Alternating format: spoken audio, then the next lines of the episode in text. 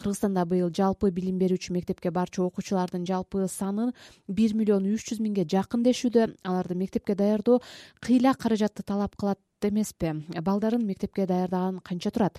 Жер жерлерде кабарчыларыбыз кызыгып көрүштү. Алгач эле баткенге келсек баткенде бир баланын орто заар даярдыгы үчүн алты миң сомдон ашык каражат сарпталып жатат. Ушул күндөрү балдарга акча зарылдыгынан улам өрүк менен мал жандыгын базарга алып чыккандар баа арзандап кетти деп наалып жатышат. Жыл сайын ушундай эле түйшүк менен алектене бербей бирдиктүү формага өтсөк болот эле дегендер да бар. Баткенден жеңиш айдаров кеп улантат даярданып атам кийимдеримди алдым баардыгы алынды. Кандай кандай кийимдериңди алдың? Пайпак шым. Нурел быйыл мектепке агасынын костюмун кийип былтыркы китеп кабын көтөрүп бармай болуптур ботинке кроссовка алдым баардыгы алынды. Сумка алган жокмун костюм сунаган жокмун там эскилери бар. Балдар жаңы кийимдерин кийип үч айлык үйдөгү турмуштан мектепке шашат. Ал эми ата энелер айрыкча кирешеси саналуу үй бүлөлөр. Балдарын жаңы окуу жылына даярдоодо чоң эле түйшүк жаралып жатыптыр. Анткени өткөн жылга салыштырмалуу балдардын кийим кечеси да кымбатка түшүп мурдагыдай мындай чыгымдарды жаап келген өрүктүн баасы да быйылкы жылы кыйла арзандап кетти. Аймакта бир баланы мектепке даярдоо үчүн орточо эркек балдар үчүн төрт миңден жети миң сомго чейин сарпталса кыз балдар үчүн беш миңден сегиз миң сомго чейин чыгымдалууда базарга сатаар түшүмүбүз арзандап кеткенинен бирөөдөн насыя каражат алып турдук дейт. Үч баланы мектепке даярдаган назгүл. Орточо эсеп менен бир балага бир жети миңден тарабыда кетет.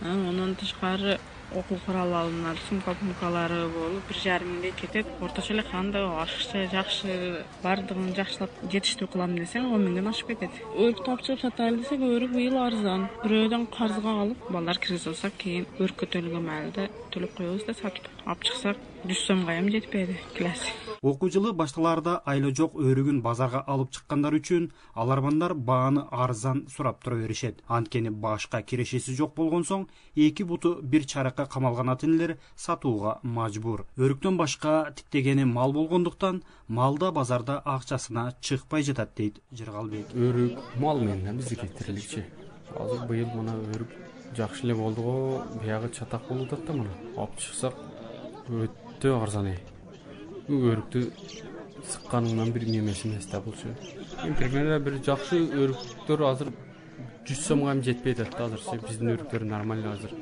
алтымыш сом жетимиш сомдон сурап атат бул. Сатышка аргабыз жок болуп атат. Себеби балдарга окуу кийим кыш керек. Мына мектебим ачылайын деп атат.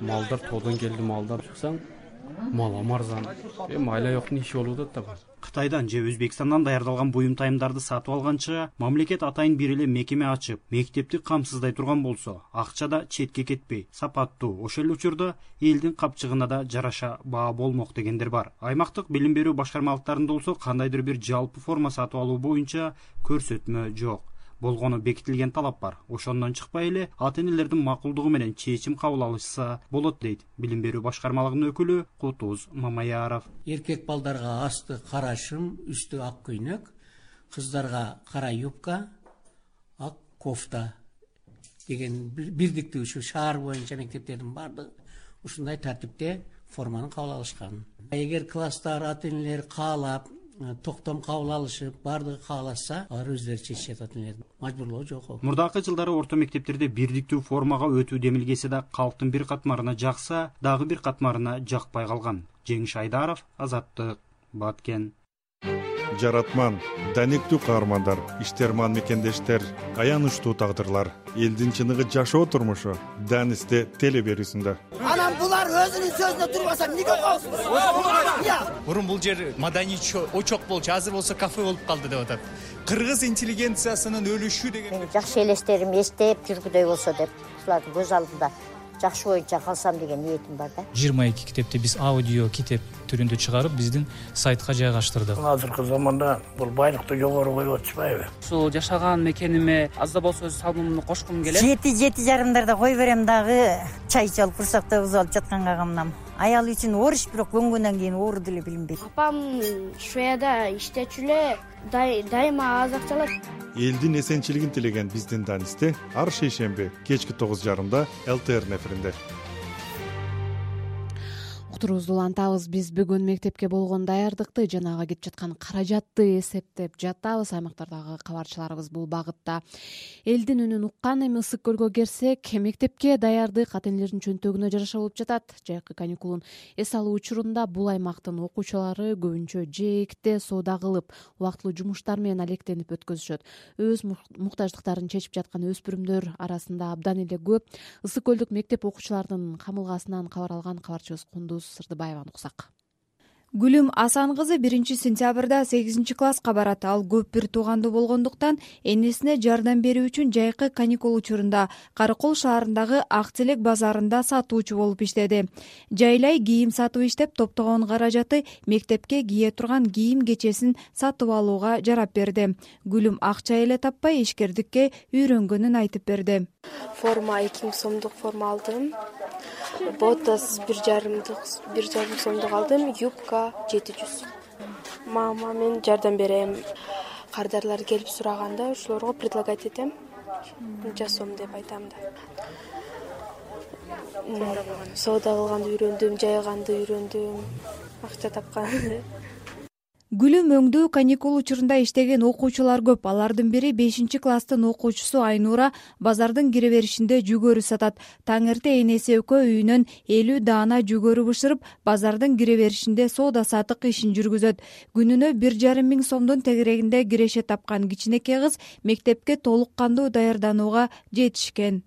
Мен кукурузада кукуруза сатам анан тапкан акчама кийим кийим сыйым окууга окуганга акча керек ошо ошого иштейт өзүм тапкан акча менен эле кийинем.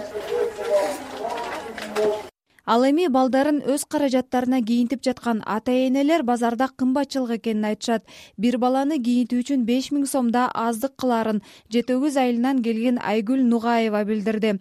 Анын айтымында бирдиктүү форманын баасы кымбат болууда биз бир форма менен эле этиний форма менен союз убакта бири э, бир форманы үч жыл төрт жыл кийчүбүз өңү ошо боюнча формасы ошо боюнча калыбынан жазылчу эмес. Азыр бир жылкың бир жылкыга жарабайт мындай жүйөнү сатуучулар да моюнга алуу менен бирдиктүү форма жылдагыга караганда беш жүз сомго жогору сатылып жатканын айтышат. Анткени бишкек шаарынан дүңүнөн алууга да формалар жетишсиз болуп баа жогорулаган. Ошого байланыштуу келген формалардын баасы жылдагыдан да жогору болуп жаткандыгын беш жылдан бери кийим сатып иштеген анара имашева билдирди. Жылдагыга салыштырмада могу ич кийимдер ошо мурдагыдай эле ич кийим бааларычы а могу формалар кымбат быйыл кымбат. Мисалы былтыр болсо бир үч жүздөн сатканбыз. Кызыл форманы бир үч жүз элүү бир үч жүздөн бергенбиз. А быйыл болсо бир сегизден берип атабыз бир тогуздан берип атабыз жакшыларын. Беш жүз алпыс э, начар тигилген мындай начар тигилген материалдан мисалы кызыл формаларды бир сегизде бир бештен берип атат кээ бир балдар бойлору бир бир эле размер кийет отуз экинчи размер. Бирок далысы чоң кээ бирөөнүн арык кээ бирөөнүн жамбашы кичине кичирээк дегендей ошону ар бирин индивидуально ченесе жакшы болот эле мектептер. Анан кайра эле баягы класста единый форма деген менен кайра эле расслоение болуп калып атат да. Ошол эле учурда бул жылы келип жаткан бирдиктүү форма стандарт болбой жаткандыгын дагы бир сатуучу билдирет. Анын айтымында костюму чак келсе шымы тар болуп калууда. Мындан улам ата энелер бирдиктүү форма эмес балдардын тандоосу менен товардын сапатына жараша алып берип жатышат. Мен ошо алты миң менен келдим анан жетеби жетпейби билбейм үчөөнө анан че то жетчүдөй болбой атат да. Эми жетпей калган дагы анан дагы акча тап келебиз да азыр майда чүйдө еще тетрадын санай элекмин жанагы окуу куралдарыны эсептеп элем. Эми азыр эптеп арзаныраактарды эле алып атабыз а кымбатты аябай жакшыларга чөнтөк туура келчүдөй эмес эми арзаныраактарын эптеп алып атабыз чөнтөккө жараша кийинген бөбөктөр арасында атаандаштыкта күч алып билим берүү министрлиги тарабынан сунушталган бирдиктүү форманын баасы жана сапаты аларды канааттандырбай жатканын кошумчалашты. Министрлик болсо окуучулардын формасы ар бир мектептин кабыл алган чечимине жараша тандалаарын белгилеп келе жатат. Кундуз сырдыбаева ысык көл азаттык экинчи сентябрда ачыла турган жаңы окуу жылына кыргызстандын окуучулары даярбы жана аларды даярдоодо канча акча сарпталат деген суроого жооп издеп жатабыз. Эми нарынга келсек нарында акыркы жылдары жоону жука бүлөнүн балдарын мектепке даярдоого кайрымдуулук фонддор жардам берип жатышат. Алар ар бир балага окуу курал жана мектеп формасын алып беришүүдө темага нарындан мирлан кадыров токтолот. Колдоо жоктун айынан балдарын мектепке жетиштүү даярдай албаган бүлөлөр нарында кыйла экендиги жашыруун эмес маселен нарын шаарынын тургуну айгүл бакированын мектеп жашында төрт баласы бар. Туруктуу иши жок жалгыз бой энелердин катарында. Жокчулуктун каатын ал жакшы эле тартты. Балдарыбызды жакшы окута албай келебиз. Ушул күнгө чейин азыр жумуштун табылышы аябай оор болуп калды. Да ошол көрүп айынан ошо күнүмдүк акчанын айынан ошол балдарымдын окуусуна көңүл бурбай калып жаткандыгы мени аябай өкүндүрөт. Бирок айла жок турмуш шарт алып келген. Мисалы бир күнү барып эки алып келсе анага карап көңүл буруп кайра ошону жойгонго жардам бере албайбы калган күндөрүм көп эле. Баланы окутуш деле аябай оор экен. Анан быйыл чыккан майда чүйдө жумуштарды иштеп эле ошо окуусуна даярдоого аракет кылып атам. Мындай бүлөнүн балдарына азыр кайрымдуулук фонддору кол суна баштады нарын шаарындагы биздин тилек фонду жылмаюуга жардам бериңиз аттуу акция өткөрүп жатат. Анын алкагында каалоочулар колунан келген акчасын беришет. Чогулган каражатка жүз чамалуу балага окуу курал. Дагы элүүдөй окуучуга кийим кечек алып беребиз дейт фонддун жетекчиси талант ниязбеков. Бул акцияда жалгыз бой энелерге жана ата энеси жок балдарыбызга сумка окуу куралдары таратылды. Жылмаюусуна жардам берели деген максатта бүгүнкү акциябыз учту бул акциядан жардам алгандар фондко атайын кайрылгандардын арасынан тандалып алынгандар. Бирок кайрымдуулук уюму деле колунда жоктордун баарын ырааттуу жабдып берүүгө чамасы жетпейт.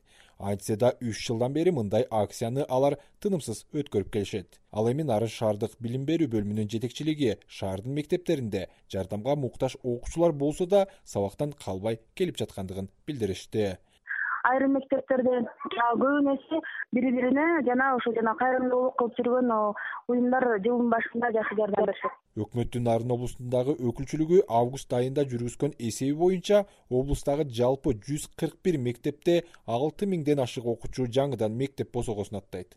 Ал эми социалдык колдоого муктаж жүздөн ашык окуучу бар. Мирлан кадыров азаттык нарын облусу азаттык радиосу. Адамдардын эркин ой жүгүртүү оюн эркин билдирүү өз тагдырын өзү чечүү укуктарын жактайт. Демократия баалуулуктарына мыйзам үстөмдүгүнө жана адамдар өң келбети дини жынысы же улутуна карабай бирдей укуктарга ээ деген принципке ишенет. Тигил же бул саясий партияны топту бийлик же оппозиция тарапты жактабайт. Азаттык радиосу коомдо болуп жаткан актуалдуу маселелерди ыкчам сапаттуу жана бейтарап чагылдырууга умтулат биздин теле радио берүүлөр алардын жадыбалын башка макала ой толгоолордун баардыгын азаттык чекит орг интернет сайтыбыздан таап тааныша аласыз ал эми жалал абадда жергиликтүү түрк ишкери жакыр үй бүлөдө жашаган жүз жыйырма баланы камкордукка алды. Жаңы окуу жылы алдында алардын ата энелери менен бирге жолугуп мектепке даярдык көрүүгө ар бирине үч миң сомдон акчалай жардам берген экен. Шаардык социалдык өнүгүү башкармалыгы калаада турмуш шарты оор абалда жашаган балдар арбын экенин айтат руслан калматовду уксак жергиликтүү түрк ишкери дебис мустафа ахмед жалал абад шаарындагы сузак жана базар коргон райондорундагы аз камсыз болгон жана ден соолугунан мүмкүнчүлүгү чектелген жүз жыйырма баланы камкордукка алды шаар мэриясында өткөн жыйында мустафа ахмед калаадан чогулган кырк баланын ар бирине мектепке даярдануу үчүн үч миң сомдон акчалай жардам берди. Бантиктерди тагып жасалып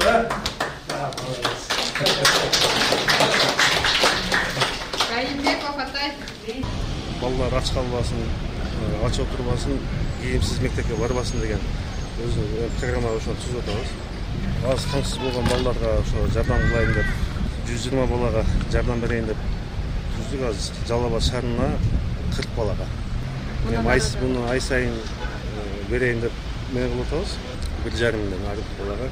Азыр эки айлыгын бердик. Үч миңден ошо кийим кечесине жардам болуп калсын деп деди мустафа ахмед жетектеген ишкананын жетекчи орун басары азамат жанышев акчалай колдоо алгандардын катарында алтынчы класста окуган баласын ээрчитип келген бегимай жолдошубаева да болду. Жалгыз бой эне мектеп курагындагы үч жана мектепке чейинки бир баласын окууга толук даярдай албай жаткан эле. Жакырлардын катарына кирген алардын үй бүлөсү үчүн ишкердин колдоосу чоң жардам болду дейт. Дайыма жардамды алып эле келип атабыз сиздерге чоң рахмат ушунча жан адамдарга ушунча жардамыңыздарга чоң рахмат. Алладан кайтсын. Тилек болсо тилегиңерге жетиңиздер ишиңиздер ийгиликтүү болсун. Ишкердин жакыр үй бүлөлөр менен жолугушкан жыйынына шаар мэри мураталы тагаев да катышып жергиликтүү ишкерлердин кайрымдуулук иштерин дайыма колдой турганын билдирди. Эң негизгиси мындай да баягы көздөрүндө балдардын да карап турсаңыз нур чачырап жатышып отурган балдар.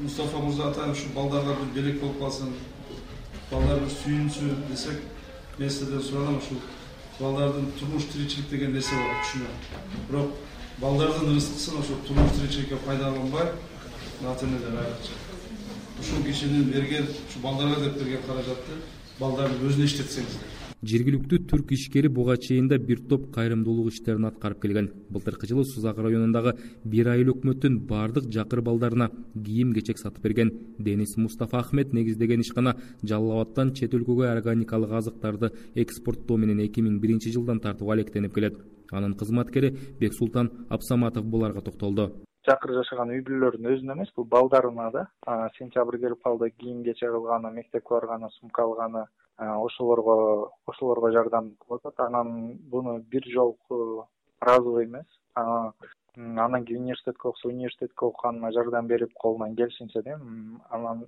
иш тапканга чейин жардам бергенге даяр да яп деңизге ат деген которгондо бизге жакшылык кылып деңизге атып бер дегендейчи андай эме мындай көрсөтүп эме жаңылык качырып андай ой жок эле. Эми жалал абадта бизнестер жалал абадта эмес эми кыргызстанда бизнес менен заниматься эткен адамдар аз эмес да. Ошого ушул адам өрнөк болсо аркасынан дагы башка адамдар жардам береби деген максат менен ошон үчүн кичине элге көрсөтүп эме кылды да ишкер жергиликтүү бийлик тандап берген аз камсыз болгон жана ден соолугунан мүмкүнчүлүгү чектелген балдарга он сегиз жашка толгонго чейин ай сайын бир жарым миң сомдон акчалай колдоо көрсөтүп турмакчы. Жалал абад шаардык эмгек жана социалдык өнүгүү башкармалыгынын маалыматында кала аймагында учурда бир миң жүз кырк эки үй бүлөдөгү балдар турмуш шарты оор абалда жашайт.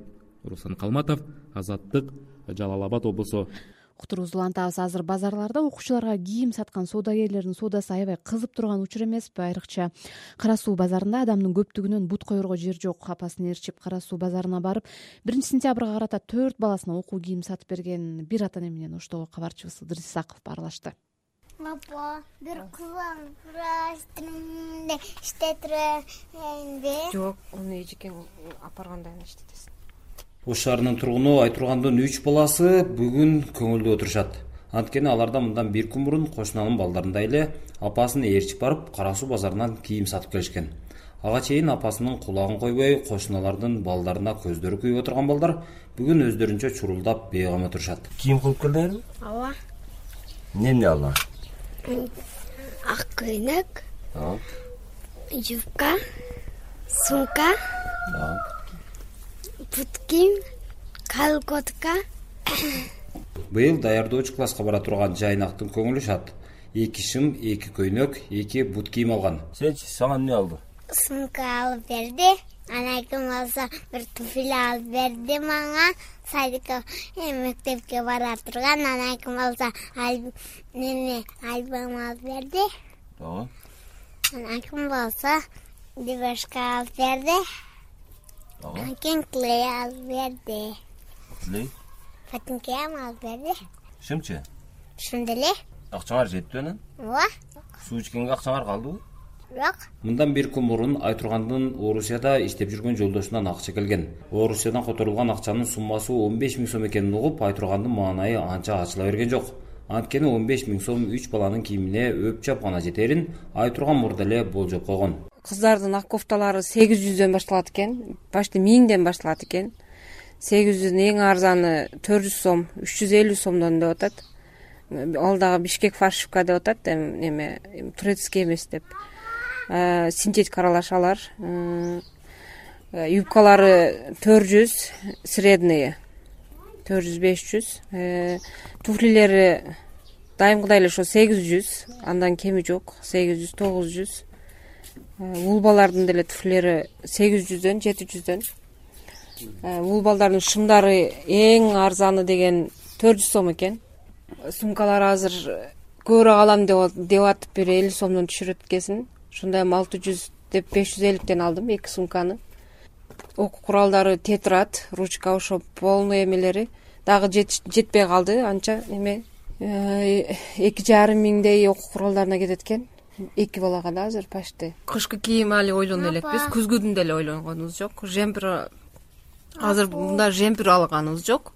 Жемпирдер да эң арзаны алты жүз сегиз жүз жемпирлер экен. Жемпир алганыбыз жок. Эми былтыркы жемпирлери жакшынакай экен ошолорду кийгизем деп атам. Кышкы кийимге али ойлонгонубуз жок. Азыр пока ушу сентябрды эме кылып келдик жыл сайын биринчи сентябрга карата адатта малдын алма өрүктүн баасы арзандап кийимдин баасы асманга чыгат. Мунун баары мектептин ачылышы менен байланыштуу. Баардык ата эне балдары элден кем болбой биринчи сентябрда мектепке жаңы кийим кийип баруусун каалашат. Бирок жыл өткөн сайын кыргыз өндүрүүчүлөрү арзан саткан кийимдердин сапаты жакшырбай эл айласыздан түрк өндүрүүчүлөрүнүн кымбат кийимдерин сатып алууга аргасыз болушууда исаков азаттык ош. Урматтуу угарман ушуну менен апталык баяндар топтомун жыйынтыктайбыз. Биз бүгүн кыргызстандагы бир миллион үч жүз миңге жакын мектеп окуучуларынын мектепке болгон даярдыгын жана канча сумма кетет деген суроого жооп издедик